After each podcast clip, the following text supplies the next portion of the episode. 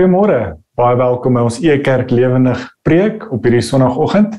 Uh vir almal wat regstreeks saam kyk, baie welkom. Indien jy dalk later na die opname kyk, natuurlik baie welkom.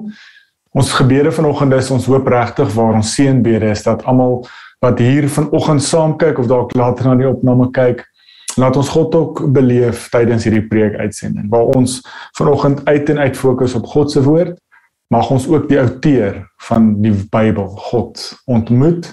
Mag ons ook oop wees vir wat die Gees vir ons vanoggend wil sê en mag ons ook sy woord skryf op ons harte en dit deel maak van ons getransformeerde lewenstyl om as Christen te leef. Amen. Wat is die doel met godsdiens? Dit is die gesprek of die tema wat ek glo julle almal gesien het op die bemarking wat ons gebruik het.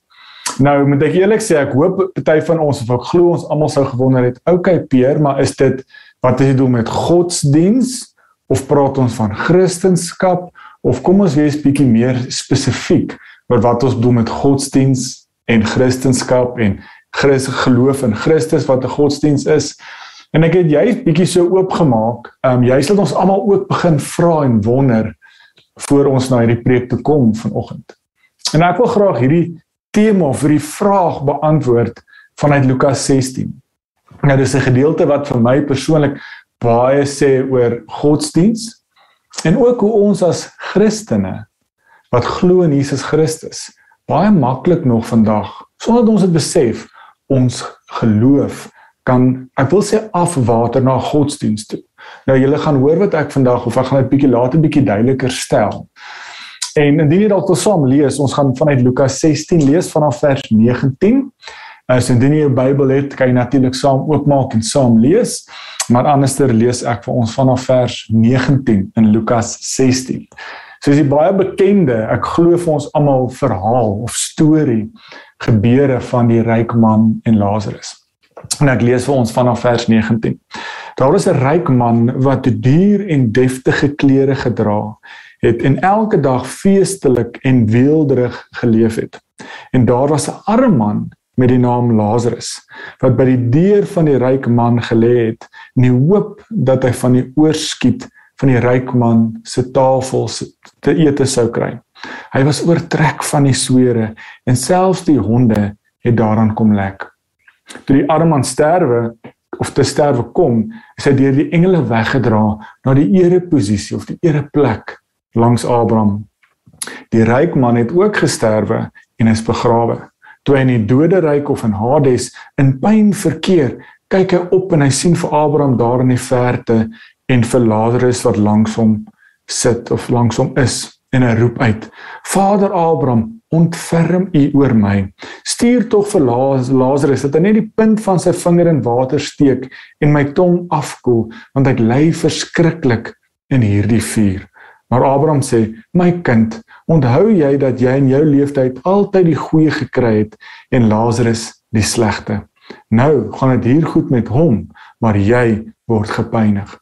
En buitendien is daar hierdie groot kloof tussen ons en julle, sodat die wat hiervandaan wil oorgaan na julle toe, nie kan nie, en die wat daar is ook nie na ons toe kan oorkom nie. Toe sê hy: "Ek smeek u, praat die ryk man vir Abraham. Ek smeek u dan, Vader Abraham, stuur hom tog na my pa se huis toe. Ek het nog 5 broers. Laat hy hulle dringend gaan waarsku sodat hulle nie ook in hierdie plek van pyniging beland nie." Maar Abraham het gesê: "Hulle het die woorde van Moses en die profete. Laat hulle daarna luister." Maar toe antwoord die ryk man: "Nee, Vader Abraham, maar as iemand uit die dood na hulle toe gaan, sal hulle hulle bekeer. Maar Abraham sê vir hom: As hulle nie na Moses luister nie, of die Moses en die profete luister nie, sal hulle ook nie oortuig word al sou iemand uit die dood opstaan en aan hulle verskyn. Interessante verhaal. En ek dink ons almal wonder dalk wat het dit te maak met met godsdiens of geloof. En as ons eers net vir 'n oomblik stil staan by hierdie baie belangrike en ek wil sê 'n kragtige gedeelte in Lukas, dan sien ons uit en uit hierdie verhaal handel oor oor kontras, nê. Nee. Die eerste gedeelte uh, op wat op aarde afspeel is waar ons hierdie ryk man kry. Nou ons weet hy's ryk want die klere wat hy dra, hulle praat van deftige klere. Maar die klere is eintlik dis 'n perskleed of van persmateriaal gemaak. Nou ons weet in die antieke tyd, juis in die Middeleeuse wêreld, was dit 'n verskriklike, verskriklike, verskriklike skaars kleur want hulle moes op 'n baie spesifieke manier 'n seeslak in Galilea vir die, die meer van Galilea gaan uithaal waarmee hulle hierdie materiaal kon weef of kleur, nê. Nee. So die feit dat jou hele kledingstuk, die hele ryk man se kledingstuk van dit gemaak was, hy's verskriklik ryk. Nou lees ons vanuit oor hy leef amper oorspattig, nê, nee, um, met al hierdie rykdom, met hy hierdie feeste en hy eet. Jy kan net dink dit is hierdie oorskiet van kos wat gebeur. Nou weet ons ook hy's verder baie ryk want um hy het 'n hek, so staan by die deur, maar so eintlik vir onsself sien dit is hierdie groot estate, groot villa waar die ryk man aan die binnekant alsoos net oorvloedig net in terme van rykdom en weelde. En dan sien ons die kontras net buite hierdie hek. So daar's 'n 'n fisiese maar ook 'n simboliese skeiding tussen die ryk man en Lazarus.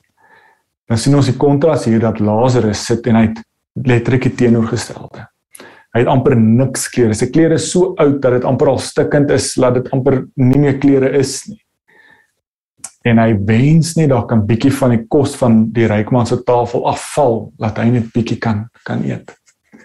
Nou vertel um, Lukas vir ons hierdie verhaal eintlik so erg, net soos wat hy gedoen het met die verhaal van die barmhartige vader. Um die goeie vader toe die sy oudste seun ons vir hom gesê het hoorie pa ek verklaar jy dood geen my erfporsie toe gaan leef dit uit. Dan in daai verhaal dan leef die of dan is hy leef dit op. En dan beland hy tussen die varke en dan eet hy die varke se kos. En hy sê vir Shuma selfs die varke eet beter as ek. Dan gaan hy terug huis toe nou daai selfde skokfaktor doen Lukas hier as ons lees dat dit gaan so sleg met Lazarus dat hy die swere op hom het vergewe my vir dit maar Selfs die honde wat dit lek, eet beter as Lazarus. Dit is hoe sleg dit gaan. Dit is hierdie verskriklike skokverhaal wat ons hoor van selfs die honde doen beter as Lazarus in hierdie verhaal. Maar as ons so ver gaan dan kom ons agter met hierdie kontras tussen die ryk man en Lazarus dat Lazarus een ding het wat die ryk man nie het in die verhaal nie. En dit is 'n naam.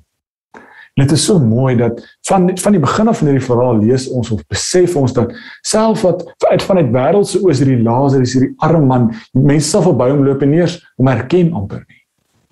Of hulle sal nooit weer terugdink aan hom nie. Maar God gee 'n naam vir die mense wat arm is, vir die mense wat kreupel is, vir die mense wat down in the dumps is. En dan in die verhaal gebeur die universele gelykmaker, nê, nee, die dood gebeur. Die ryk man kry nog 'n begrafnis op aarde. Hy beland in Hades. Maar Lazarus word opgevat en hy sit in 'n ereposisie. Dit staan eintlik hy lê, hy sit op die skoot, hy is in die boesem van Abraham. Dit is die ereposisie wat Lazarus beleef of nou by is. So dis weer eens die kontras, maar nou ruil die rolle. En dan sien ons dat die ryk man vir Abraham en vir Lazarus sien en dan het ons nou gehoor dat hy sê laat Lazarus net pinkie in water kom sit en net op my tong kom sit want ek ly so met hierdie pynig met hierdie vuur. Dan sê Abraham maar nou is hier 'n nuwe skeiding, metaforiese skeiding, hierdie groot gaping tussen ons en julle en niemand kan weerskante toe gaan na hierdie toe nie. En dan vir die eerste keer in hierdie verhaal dink die man, ryk man, nie aan homself nie en hy sê Maar ek het nog broers, vyf broers, my pa. Laat Lazarus na hulle toe gaan, hulle gaan waarsku. En dan sit net nou die baie belangrike sleutel van hierdie verhaal, want sê Abraham, nee nee. As hulle hulle het Moses en die profete, hulle die geskrifte, hulle die Bybel in ons taal. As hulle nie die Bybel, die Bybel is genoeg om hulle te laat besef hoe hulle moet leef, wat God van hulle verwag. Dan sien jy op die derde keer dat die ryk man amper raak kwaad met Abraham. Sê nee nee nee nee. Maar as iemand aan hulle verskyn, sal hulle tot inkeer, bekeer, tot inkeer kom. Sê Moses, ag sê Abraham, ah, die skrif is genoeg. Als as hulle nie die skrif glo nie, op verskyn iemand aan hulle, gaan hulle nie tot inkeer, bekeer, hulle self bekeer nie. Nou dit is so 'n belangrike tema vir Lukas dat heel op die einde van sy evangelie, Lukas 24, sien ons dit weer. Dis 'n baie bekende verhaal wat julle weet nou al 10 teen my gunsteling is, die verhaal van Emmausgangers.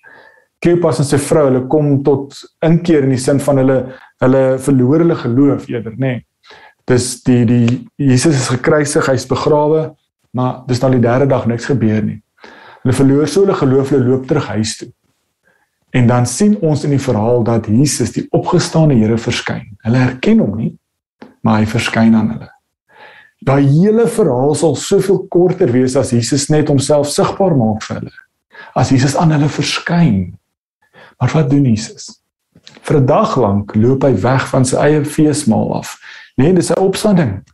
Loop Jesus die opgestane Here weg en hy verkondig of ver, ver, vertaal lê vir hulle die skrif uit. So dit is so belangrik die skrif is vir ons as gelowiges. Daar hoef nie hierdie skok gebeurtenisse te gebeur nie. Hoor my asseblief mooi natuurlik kan sulke gebeure ons tot inkeer kom. Maar die skrif is genoeg om ons 'n verhouding met die Here te laat ontdek, te laat ontknoop, te laat besef wat God van ons verwag.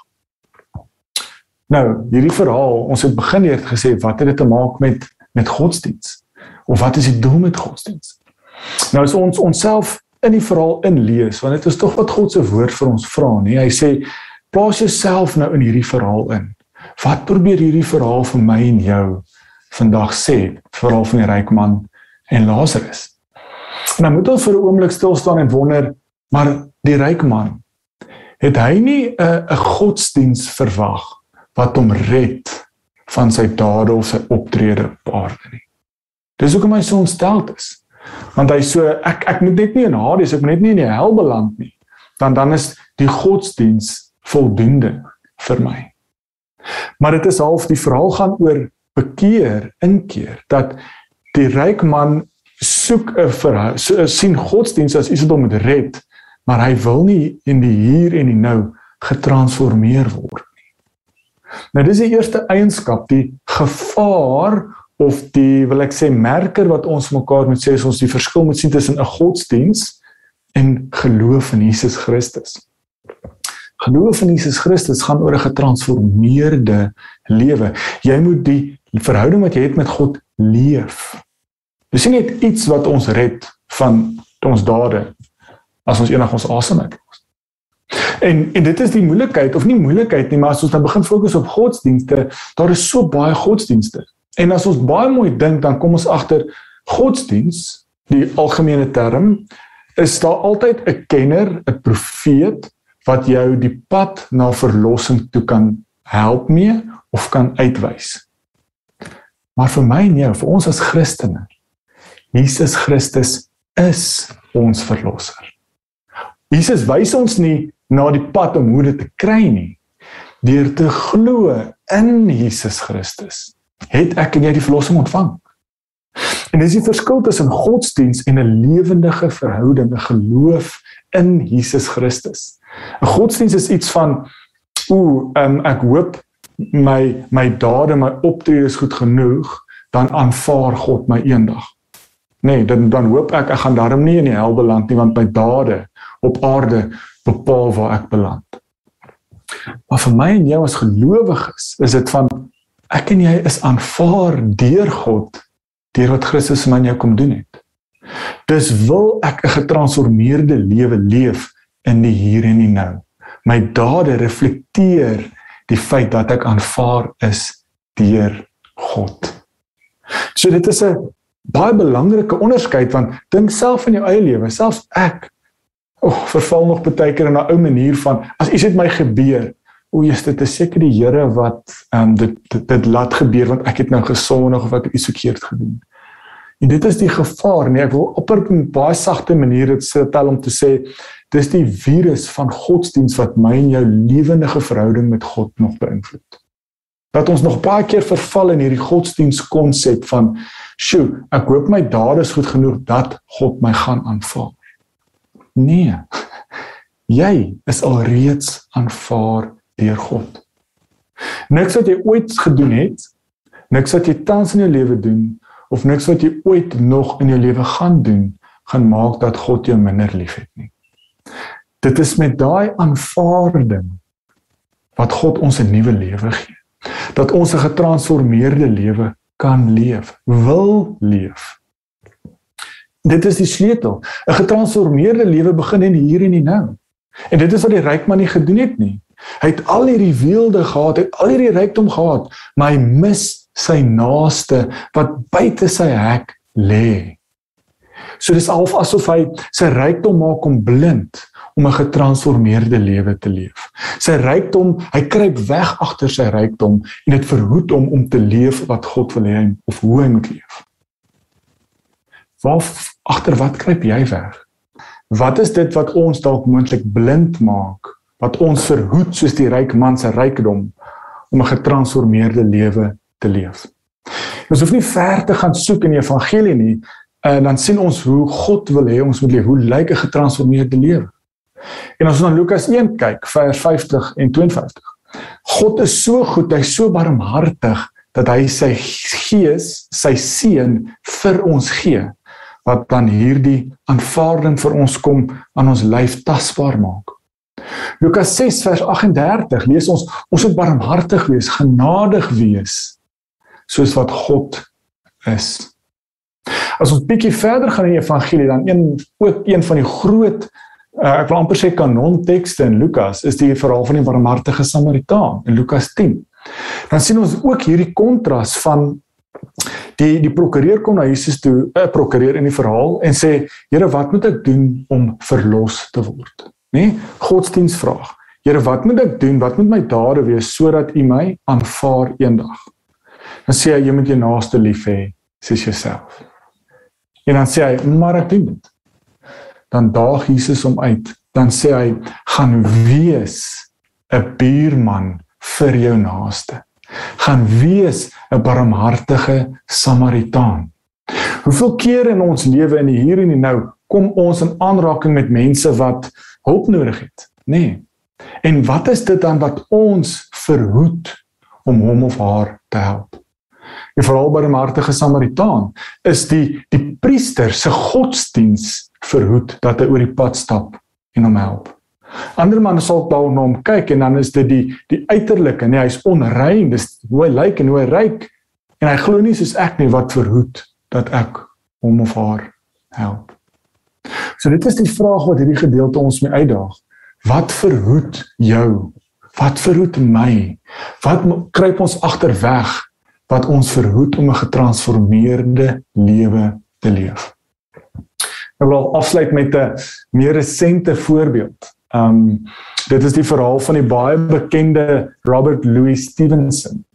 Hy het 'n baie bekende boek geskryf um the the strange case of Jekyll Hyde, Dr Jekyll and Mr Hyde. Nou dit is 'n baie bekende boek wat ook glo op hierdie stadium almal verwys eintlik na dit as Jekyll and Hyde. Maar as ons na hierdie verhaal gaan kyk, dan sien ons dat hoe Dr Jekyll of die die hoofkarakter juis worstel met hierdie van Hy hy is hierdie hy wil hierdie goeie mens wees. Maar tog diep binne in hom is daar hierdie hierdie bose, hierdie slegte wat verhoed of wat in kontras is met die goeie binne in hom. En dan besluit die dokter hy gaan eh, 'n uh, konkoksie maak wat heeltemal hierdie bose, hierdie donker binne in hom heeltemal finaal en al onderdruk. En hy het dit eintlik ongelukkig die teenpool wat dit in in in uitwerking het. Dat hy hierdie konkoksie drink en dan word die bose so klem op geplaas it's emphasized dat dit 'n hele nuwe karakter word Edward Hyde dan oordonder hierdie bose karakter heeltemal Dr Jekyll dat hy amper nie eers meer 'n uh, 'n uh, 'n rol speel binne in die verhaal en nou die verhaal wat hier vir ons afspeel is eintlik so mooi want die die karakter Edward Hyde beteken eintlik hy sy naam is nie so genoem omdat hy lelik is nie maar hy kruip weg Dit is wat hierdie karakter vir ons so mooi uitbeeld. Dit is die vraag van hy onderdruk so, hy kruip so weg agter hierdie selfsugtigheid, hierdie Edward Hyde. Hy's egosentristies. Hy sal mense seer en doodmaak om sy eie wil te kry. Dit is die epitome van sy selfsugtigheid binne in hierdie rol. Dan is dit hierdie beeld wat ek en jy vandag moet sê is wat is dit wat dalk is ek en jy selfsugtig? Ons wil net ons eie bes wil nastreef. Dit is waar agter ons wegkruip wat verhoed dat ons 'n volledige getransformeerde lewe wil leef, kan leef soos wat Christus God van ons verwag. Dalk is dit rykdom, dalk is dit aardse sukses, dalk is dit my status. Dalk is dit my godsdiens. Wat is dit waar agter ek en jy wegkruip? Wat verhoed ons belemmer om 'n volledige getransformeerde lewe te leef, soos wat Christus vir ons kom wys het? Maar dit is eintlik as ons bietjie verder lees in die Nuwe Testament, is dit Paulus ons help. Ons moet wees soos Christus. Christus is nie net 'n voorbeeld of 'n profeet vir ons nie, maar hy is ook ons verlosser. En as gevolg van wat Jesus vir my en jou kom doen het, kan ek en jy 'n getransformeerde lewe leef. 2 kan ons leef soos wat Jesus van my en jou verwag, soos wat Jesus geleef het. So mag ek en jy in hierdie week 1 net dalk vra wat is dit dalk waar ek nog in my geloof my verhouding met die Here dit dalk nog sien as 'n godsdiens ek moet iets doen voordat God my aanvaar. Om net vandag tot die besef te kom, sjoe, God het my al reeds aanvaar. Maar ek kies 'n getransformeerde lewe te leef. En dan is die vraag, as jy nou 'n getransformeerde lewe leef, wat belemmer jou om dit volledig te leef? Wat is dit wat jou verhoed? Wat is dit waar agter jy wegkruip? Wat maak dat jy nie 'n getransformeerde lewe leef nie. Dit is nie dat ons moet skuldig voel nie, maar dit is hoe genadig en barmhartig God is. God se Gees is vir ons gegee en hy wil ook hierdie klappe van ons oë laat afval om te besef, "Sjoe, ek kruip weg agter wat die mense dink van my." Kom ek leef eerder aan wat Christus van my verwag, wat God van my verwag, wie ek is in Christus. Wat maak dat ek 'n lewe kan leef soos die barmhartige Samaritaan. Om as mense oor 'n pad te kom uit te help. Om as mense oor 'n pad kom wat nood gevalle het, kan die Here kan die Here met my gesels of my help om te sê hoe kan ek hom of haar help? Wat verwag die Here van my in die hier en die nou? Kom ons sluit ons af met 'n gebed. Here, dankie vir die voorreg wat ons het om sjoe, 'n lewe te leef van aanvaarding. Here wat niks wat ons ooit gedoen het of niks wat ons ooit gaan doen gaan maak dat ons goed genoeg is vir U nie. Maar Here, U is so goed, U is so genadig dat U ons vrygespreek het deur wat U seun vir ons kom doen het aan die kruis. Here, help ons dat ons binne in daai identiteit 'n nuwe lewe leef, 'n lewe leef van getransformeerdheid om te wees soos wat U wil hê ons moet leef. 'n Lewe gelei deur die Gees 'n lewe met die barmhartigheid van U. Here help ons om ook te besef wat dit dalk moontlik is as ons wegkruip, 'n verskoning gee om nie 'n getransformeerde lewe te leef nie.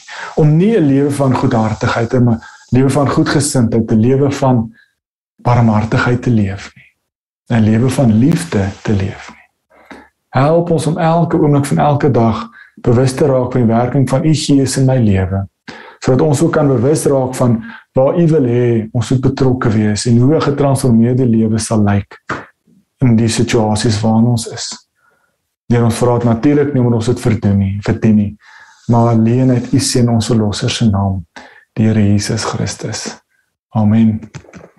Baie baie dankie dat jy ingeskakel het en weer eens jammer oor die tegniese onderbreking. Maar ons nooi ook uit eerskomende Vrydag gaan ons verder met ons Psalm Bybelreis. En natuurlik volgende week Sondag is ons weer aan die woord met ons Ekerk lewendig preek. Totsiens. thank you